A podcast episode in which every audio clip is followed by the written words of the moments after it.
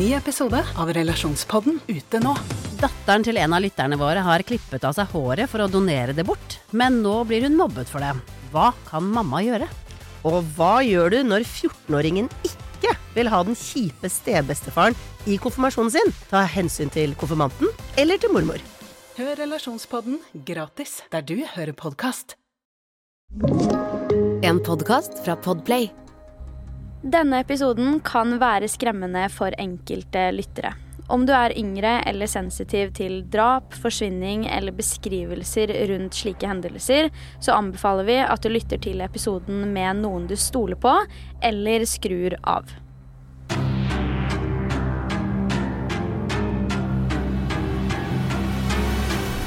Hei og velkommen til nok en episode av Forsvinningsfredag podkast. I denne ukens episode skal jeg ta for meg saken om Lion-søstrene, som er en forsvinnings- og drapssak som faktisk sto uløst i over 30 år, men til slutt fikk et vendepunkt ingen så komme. 42 år tok det før Lion-familien skulle få et svar, eller et halvveissvar i hvert fall. Denne saken er på mange måter frustrerende og noe helt eget, så la meg fortelle deg saken om Sheila og Catherine Lyon. Sheila og Catherine Lyon ble født i Kensington i Maryland i henholdsvis 1962 og 1964, og foreldrene deres het John og Mary Lyon. Sheila og Catherine var faktisk to av totalt fire søsken, men de to var også de eneste i søskenflokken som hadde de samme foreldrene. De to siste var storebroren Jay og lillebroren Joseph. Det virker som at Lion-familien levde et ganske normalt liv, men faren var faktisk en ganske kjent radiovert på den tiden, da han jobba på den lokale radiostasjonen i Maryland. Utover det er det faktisk lite informasjon å finne der ute om nøyaktig hvordan oppveksten til jentene var, men ut fra hvordan familien selv har prata i media og hvordan saken fremstilles, så er det rimelig å anta at de hadde trygge og gode relasjoner til hverandre, og at det i denne saken er sånn at vi har med en ganske tilfeldig tragedie å gjøre. Vi skal spole tiden frem til 1975. Dette året var den eldste broren Jay 15 år gammel, mens Sheila var 12 år gammel og Catherine 10. Den yngste broren Joseph var dette året 9 år gammel. Det er litt viktig å huske på at ting var helt annerledes i 1975, også i USA. Dette var nemlig ikke en tid der man bekymra seg over hva som kunne skje dersom tenåringene eller barna farta rundt på egen hånd. Av noen ble det heller sett på som en måte de ble mer selvstendige på, og kunne til og med vise tillit i forholdet mellom barnet og foreldrene. Til tross for dette så vet vi jo at mange av de største seriemorderne vi har hørt om, herja på nettopp denne tiden, altså 70- og 80-tallet, og at kriminaliteten ikke nødvendigvis var noe særlig lavere enn hva den er i dag. Akkurat dette med at foreldrene gjerne tillot litt mer enn de gjør i dag, kommer jeg litt tilbake til snart. Uansett, vi skal til den 25. mars 1975, som var den andre dagen i påskeferien dette året. Barna i familien hadde jo skolefri, så denne dagen sov de lenger enn de pleide, og alle fire våkna i tidraget på formiddagen. Kort tid etter frokost var det på tide å gjøre aktivitetene for dagen, hvor Jay og Joseph bestemte seg for å dra på en lokal basketballbane og spille litt, mens Catherine og Sheila heller ville dra til kjøpesenteret, som nå heter Westfield Wheaton. Her skulle jentene titte litt på de nyeste tingene som hadde kommet inn for våren, men også møte noen venner, da de ofte møttes på kjøpesenteret for å henge. Da jentene fortalte moren sin om planen, så foreslo hun også at de kunne kjøpe med seg noe pizza på senteret, og dermed fikk de med seg to dollar hver seg, og fikk beskjed om at de måtte være hjemme til innetiden sin klokka fire, slik at de rakk middag. Det er også på dette kjøpesenteret at de virkelig interessante og viktige observasjonene skal finne sted. Det er nemlig rundt to og en halv time her hvor jentene har vært uten foreldrene sine, og som ting kan ha skjedd. Jentene forlot nemlig huset sitt rundt klokka 11 på formiddagen denne dagen, og kjøpesenteret lå visstnok ca. en halv kilometer fra huset. Om vi da tar utgangspunkt i at de har gått, så kan vi vel regne med at de har brukt rundt fem-seks minutter på å gå bort til senteret, så det er ikke snakk om lang avstand i det hele tatt. Den siste sikre observasjonen vi har av dem, skjer litt etter klokka to på formiddagen, da jentene skal ha vært på vei hjem igjen fra kjøpesenteret. Igjen virkelig ikke en lang avstand i det hele tatt. I mellomtiden så har vi også flere observasjoner, bl.a. storebroren til søstrene, som fortalte etterforskerne i ettertid at han så dem sitte på en pizzarestaurant og spise sammen. Andre vitner har fortalt etterforskerne at de har sett jentene snakke med det de omtaler som en middelaldrende person.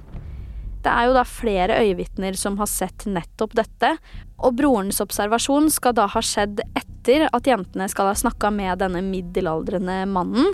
De antar ca. klokka to for hans observasjon. Klokka blir kvart på seks på kvelden, og moren er i full gang med familiemiddagen.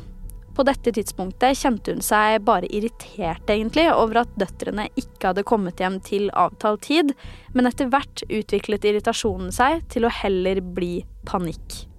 En panikk for hva i all verden som kan ha skjedd med jentene, og hvor det har blitt av dem. Familien skjønner jo at noe må ha skjedd, og av den grunn velger de å igangsette en ordning der ett familiemedlem alltid må være våken og innenfor rekkevidde av fasttelefonen, i tilfelle de skulle få en telefon fra døtrene på en eller annen måte, eller fra noen som hadde funnet dem. Den telefonen skulle de aldri få. I stedet må de selv ringe til politiet for å informere om hva som har skjedd. Døtrene på ti og tolv år kom aldri hjem fra det som egentlig skulle være en hyggelig dag på kjøpesenteret. Altså, se for deg den panikken som må bre seg, både foreldrene imellom, men også blant brødrene, som selv også var ute den dagen. Lion-familien visste ikke på dette tidspunktet at de nå skulle gå inn i det mange av oss vil definere som et helvete. Politiet konkluderte veldig raskt med at noe kriminelt måtte ha skjedd i denne saken, og at de hadde med en kidnapping å gjøre. Umiddelbart iverksetter politiet en storslått leteaksjon for å finne jentene. Hus-til-hus-metoden blir brukt, en haug av vitner avhørt, og hundrevis av tips blir fulgt opp. Også politihunder blir brukt i søken etter jentene, både rundt kjøpesenteret, bostedadressen og generelt alle steder som var i umiddelbar nærhet for Lion-familien. Hundene politiet brukte, ga faktisk også resultater, da de klarte å lukte seg frem til spor etter søstrene, fra kjøpesenteret og til en parkeringsplass ved siden av et slags varehus i nærheten av kjøpesenteret. Dessverre endte sporene her, men det ga i hvert fall politiet noe. I tillegg til hunder benytta politiet seg også av dykkere, som søkte i innsjøer og dammer og generelt vann i nærområdet. Utallige frivillige ønsket også å hjelpe til, men til tross for alt dette var det ingen av søkene som egentlig ga noen resultater eller gjennombrudd i denne tragiske saken. Politiet kommer samtidig opp med teorier om hva som kan ha skjedd, og begynner å mistenke at det kan være flere personer involvert i forsvinningen av disse to unge jentene. Dette egentlig på bakgrunn av at de var to, så det hørtes mer sannsynlig ut at eksempelvis to menn kan ha vært involvert, og da melder også sannsynligheten for et seksuelt motiv seg i mye høyere grad. Med det samme begynner politiet å avhøre en rekke registrerte seksualforbrytere, men heller ikke dette leder politiet i riktig retning. Alle personene de avhører i løpet av disse ukene, har nemlig et alibi, og hvert eneste ett av dem blir sykt nok bekreftet, og dermed ble de alle også skrevet av listen over potensielle mistenkte.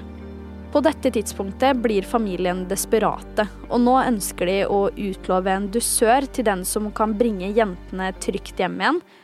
Og dusøren skulle være på 9000 dollar, som i dagens valuta tilsvarer ca. 9300 norske kroner, men som med prisstigning faktisk hadde tilsvart ca. 63 000 norske kroner i dag. Dette er imidlertid ikke siste gang et beløp skal melde seg når det kommer til denne saken. Som vi har sett i flere saker der seriemordere spesielt er involvert, så kommer det jo ofte inn en haug av både identifiserbare og anonyme tips. Noen av dem er veldig åpenbart falske og får oppmerksomhet, mens andre som kanskje setter et preg i litt større grad. En av disse samtalene dukket opp allerede 4. april 1975, da en mann ringte inn til John Lyon og krevde at han skulle legge fra seg en stresskoffert som skulle inneholde 10 000 dollar, tilsvarende rundt 670 000 norske kroner i dag med prisstigning, men som på tidspunktet tilsvarte rundt 10 300 norske kroner. John tok dette naturligvis rett til kontakten sin i politiet, og av diverse årsaker bestemte de seg for at de skulle sjekke legitimiteten av denne samtalen. Personen som ringte, krevde nemlig at John skulle legge fra seg denne stresskofferten inne på en spesifikk do inne på en busstasjon i Annapolis til et spesifikt tidspunkt. Det John og politiet kom frem til da, var at han skulle legge fra seg stresskofferten på avtalt sted, men at den skulle inneholde 101 dollar i stedet, rett og slett for å sjekke hva som i så fall ville komme. Stresskofferten ble aldri tatt, og det kan virke som at den samtalen bare kom fra noen som ønska å utnytte situasjonen til egen fordel, men som ikke engang tok fordelen han potensielt kunne fått. Hovedetterforskeren på saken valgte å tre av som hovedetterforsker rett etter dette. Og dessverre er dette en sak som bærer preg av at flere etterforskere gjorde nettopp det. Flere var innom saken og forsøkte å gjøre en innsats, men gikk av kort tid senere, da politiet verken hadde et tydelig motiv eller noen spor som ledet dem noe sted. Alt var bare løse tråder. Likevel ga ikke familien opp da de trengte å vite hva som hadde skjedd med døtrene deres, og hadde hele veien et håp om at de skulle komme hjem en dag. Her er det verdt å merke seg at politiet hadde kommet opp med en rekke teorier som kunne være aktuelle, og som gjerne er de vanligste årsakene til at noen forsvinner. De var innom både kidnapping og at de hadde rømt hjemmefra, men ingen av de teoriene hadde egentlig noe særlig å gå på, så etter hvert økte sannsynligheten for at det kunne være drapsetterforskning som sto for tur. Det samme året som kidnappingen skjedde, var det også en haug av mennesker som benytta seg av muligheten til å komme med falske observasjoner til politiet, mye fordi det var utlovet en dusør til den som kunne komme med tips som endte opp med å løse saken. Politiet hadde rett og slett et problem med nettopp dette, men det var spesielt én av personene som ringte inn, som politiet bet seg ekstra merke i. Samme året som forsvinningen fant sted, kom nemlig en 18 år gammel gutt ved navn Lloyd Lee Welch til politiet og fortalte en unaturlig detaljert historie om at han hadde vært vitne til at jentene ble kidnappet. Han fortalte at jentene ble kidnappet av en mann som halta, noe som passa perfekt for politiet, da den hovedmistenkte på tidspunktet var nettopp en mann som halta. Denne hovedmistenkte var egentlig bare mistenkt fordi det var den eneste personen som hadde et potensielt motiv, og fordi han er en av de siste personene som ble sett sammen med jentene den aktuelle dagen. Denne mannen ble raskt kalt The Tape Recorder Man, da han faktisk gikk rundt på senteret med en koffert som inneholdt en båndopptaker. Han var visstnok i kontakt med flere barn denne dagen, inkludert Lion-søstrene, og flere har sett barna snakke inn i mikrofonen til båndopptakeren.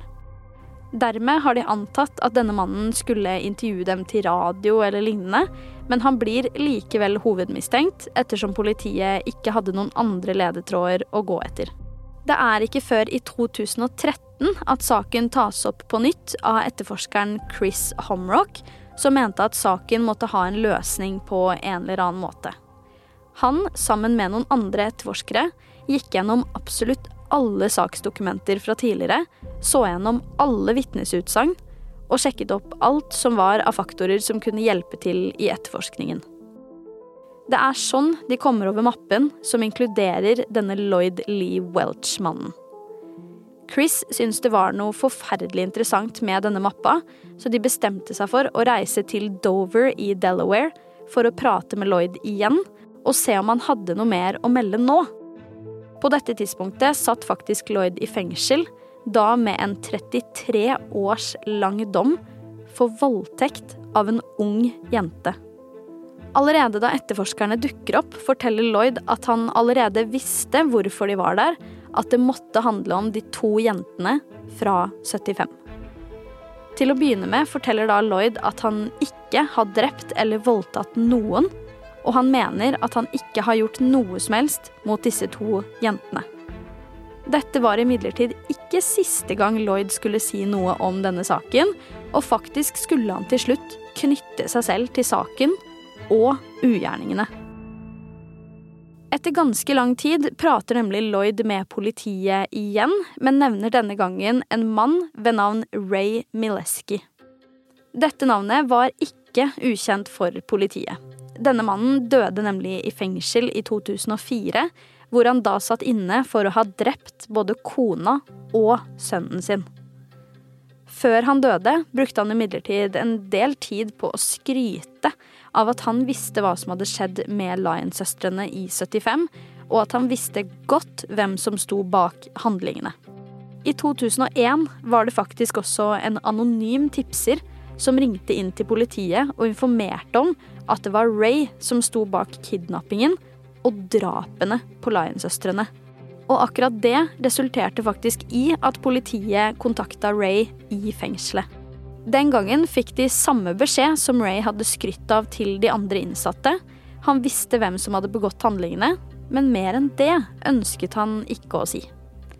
Åpenbart gjorde politiet noe galt her, for tre år senere er jo Ray død, men de kom aldri noe lenger enn at de fikk høre at Ray visste hvem som var skyldig. Etter hvert dukker det opp en fantomtegning blant alle saksdokumentene. Denne skal være tegna ut fra en vitnebeskrivelse fra 75 som handlet om en ung mann som hadde blitt sett på kjøpesenteret i nærheten av jentene. Mannen hadde langt, mørkt hår og skjegg. Faktisk var det et perfekt portrett dersom man skulle tegna Lloyd Lee Welch. Sånn kommer politiet igjen i kontakt med Lloyd, som etter hvert innrømmer å ha vært involvert i forsvinningen, men han mener fremdeles at han verken voldtok eller drepte noen av jentene. Retten var imidlertid uenig og mente at dersom han var skyldig i forsvinningen, som han selv innrømte, så ville det være en direkte kobling til at han også har drept dem.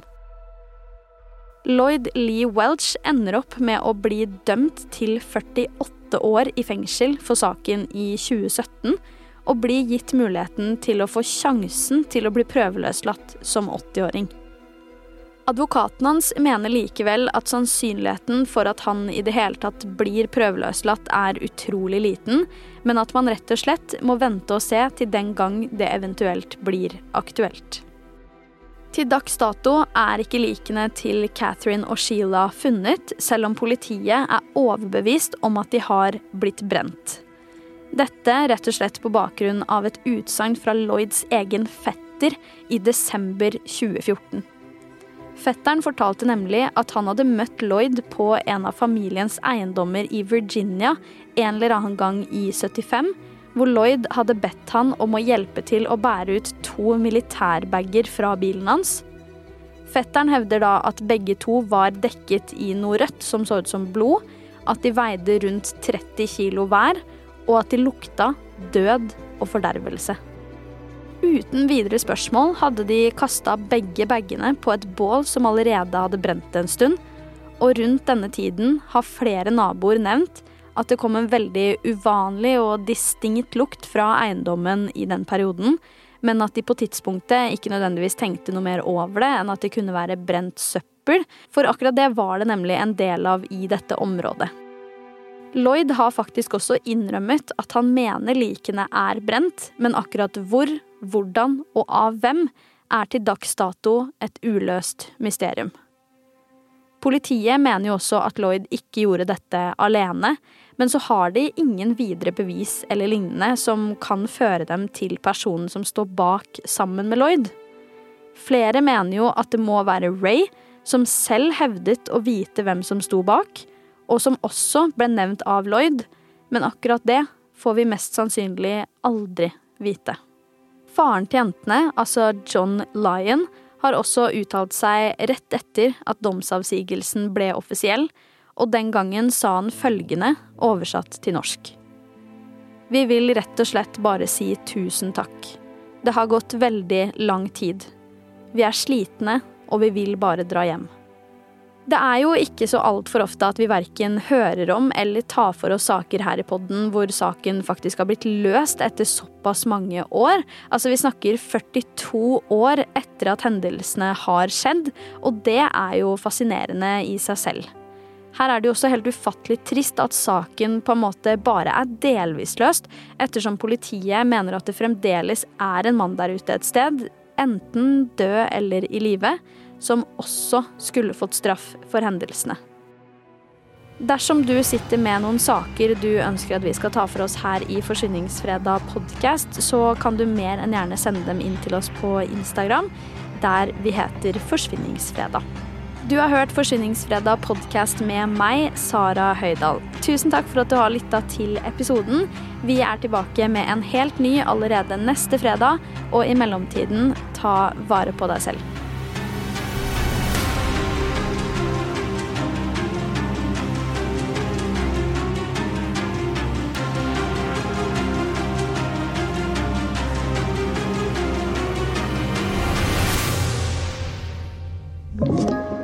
Du har hørt en podkast fra Podplay. En enklere måte å høre podkast på. Last ned appen Podplay eller se podplay.no.